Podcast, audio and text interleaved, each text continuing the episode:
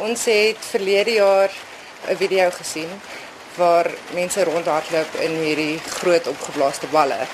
En dit was baie interessant en toe besluit ons 'n bietjie navorsing te doen en ons ontdek toe dat die sport naam is bubble soccer of bumper balls.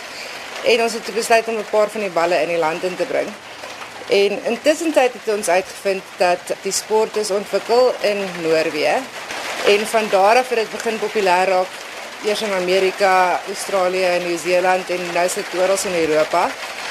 So hierdie bottels is eintlik uit plastiek gemaak en dit het nog al 'n baie vreemde ontwerp. Vertel my hoekom dit so gemaak is.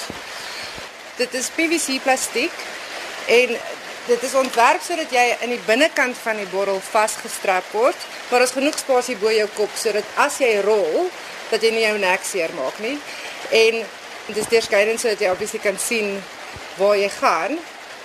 Die touwtjies is is basies daar om die vorm te hou van die bal. Die bal word opgeblaas met 'n spesiale pomp.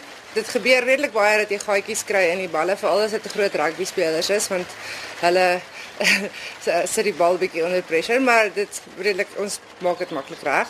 Kan mens dan daar binne vassit of hoe groot is dit eintlik? Ons grootste ou wat ons al daar ingehaal het was omtrent 120 kg en die bal het oorleef vir 'n ruk jy sit nie vas vas nie. Dit is amper soos om 'n rugsak op te hê en dan het jy handvatsels vooraan wat jy aan vashou. Hulle is baie veilig as jy die reëls volg.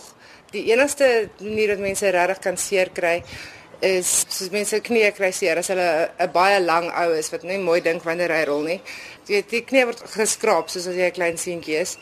Maar andersins is dit baie veilig. Ons het nog nie enigiemand verloor nie. Hoe vergelyk hierdie met zorbing en ander tipe sportsoorte waar hierdie bal ook gebruik word? 'n Ander naam vir die bumper balls is body zorbs. So dis basies 'n zorb wat jy dra aan jou lyf. Dan kry jy die groter zorbballe. Hulle is so tussen 15 en 20 meter in deursnee en daar's 'n holte binne-in waarin jy klim en dan kan jy toegesip word. Hulle word gebruik of op 'n spesiale baan wat gebou is sodat jy omtrent so 100 200 meter rol in die bal met 'n klein bietjie water in vir meeste vir die tyd want dan spoel jy rond terwyl jy rol by die heuwel af. Andersins word hulle ook gebruik om op water te loop of by party plekke as dit net 'n plat terrein is dan hardloop mense op en af in die in hierdie massiewe balle soos hamsters. Dan het hulle ook 'n eh, ding wat genoem is 'n vispyp. Nou dit is 'n 'n maar dit word opgekoppel aan 'n masjien. So in plaas van dat jy by die heuwel afrol, draai die masjien die bal. En dis ook binne in die bal met water in. Baie mense sal hulle bodyboards invat en of hulle probeer hardloop en byhou, maar mense van die tyd val jy.